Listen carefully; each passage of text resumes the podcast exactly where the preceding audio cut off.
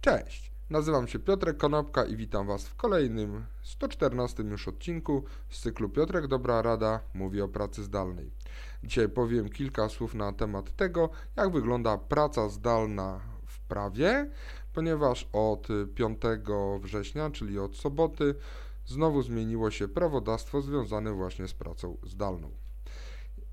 Prawie połowa osób mówi, że jest pozostawionych sama sobie, to znaczy bez komputera czy zby, ze zbyt słabym łączem internetowym, chociaż to pracodawca ma obowiązek zapewnić narzędzia do pracy w domu. Praca zdalna nie jest uregulowana w kodeksie pracy, natomiast od 5 września została przedłużona możliwość korzystania przez pracodawców z pracy zdalnej na podstawie nawet ustnego polecenia, a jest to związane z jednym z zapisów y, z, y, z, tarczy antykryzysowej. Tym razem ta możliwość pracowania zdalnego nie ma czasu e, zakończenia, nie ma terminu zakończenia. Jest to na czas nieokreślony, a tak naprawdę do momentu odwołania e, zagrożenia epidemicznego i jeszcze przez 3 miesiące po jego zakończeniu czwartek pojawiły się dwa badania dotyczące pracy zdalnej.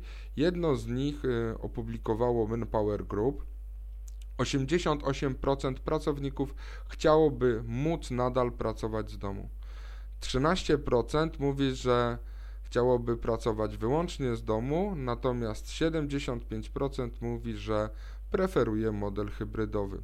Natomiast pracodawcy to ponad połowa mówi, 55% mówi, że chcieliby, żeby pracownicy pracowali zdalnie, ale tylko 2% z nich zamierza całkowicie zrezygnować z biura. Dodatkowo e, jest e, interesującym fakt, że 25% firm mówi, że chciałoby, żeby po zakończeniu pandemii wszyscy pracownicy wrócili do pracy stacjonarnej. Drugim badaniem jest badanie przeprowadzone przez firmę rekrutacyjną Michael Page i z tego badania występują, e, pojawiają się następujące wnioski.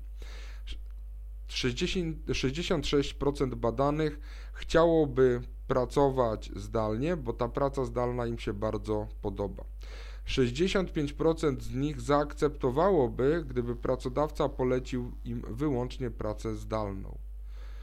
Ponad 1 trzecia 37% uważa, że ich produktywność wzrosła, natomiast 10% mówi, że ich produktywność spadła. Warto mieć na uwadze, że badaniem e, tej firmy Michael Page było przeprowadzone wśród specjalistów i wyższej kadry zarządzającej, a kwestie odnoszące się do wydajności i jej wzrostu bądź spadku są wyłącznie kwestiami deklaratywnymi. Jakie są główne problemy wynikające z pracy zdalnej? Pracodawcy nie zapewnili, tak jak już powiedziałem na początku, tych narzędzi do pracy z domu. Wielu ludzi pracuje na swoich własnych komputerach, kupuje biurka i krzesła biurowe za własne prywatne pieniądze.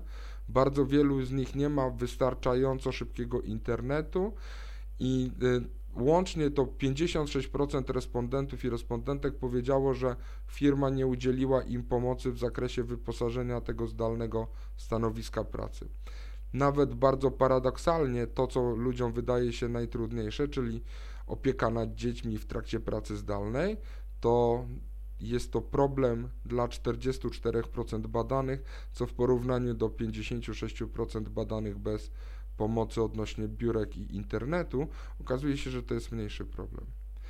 Ale te zmiany w prawie, które być może się pojawią, będą przyspieszone właśnie przez pandemię, chociaż wiadomo, jak to w Polsce może być, ponieważ e, na koniec lipca ministerka Marlena Maląg z Ministerstwa Rodziny i Pracy powiedziała, że zmiany w kodeksie już się procesują.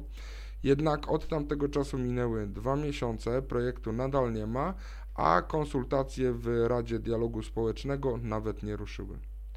A jaka jest różnica między pracą zdalną a telepracą?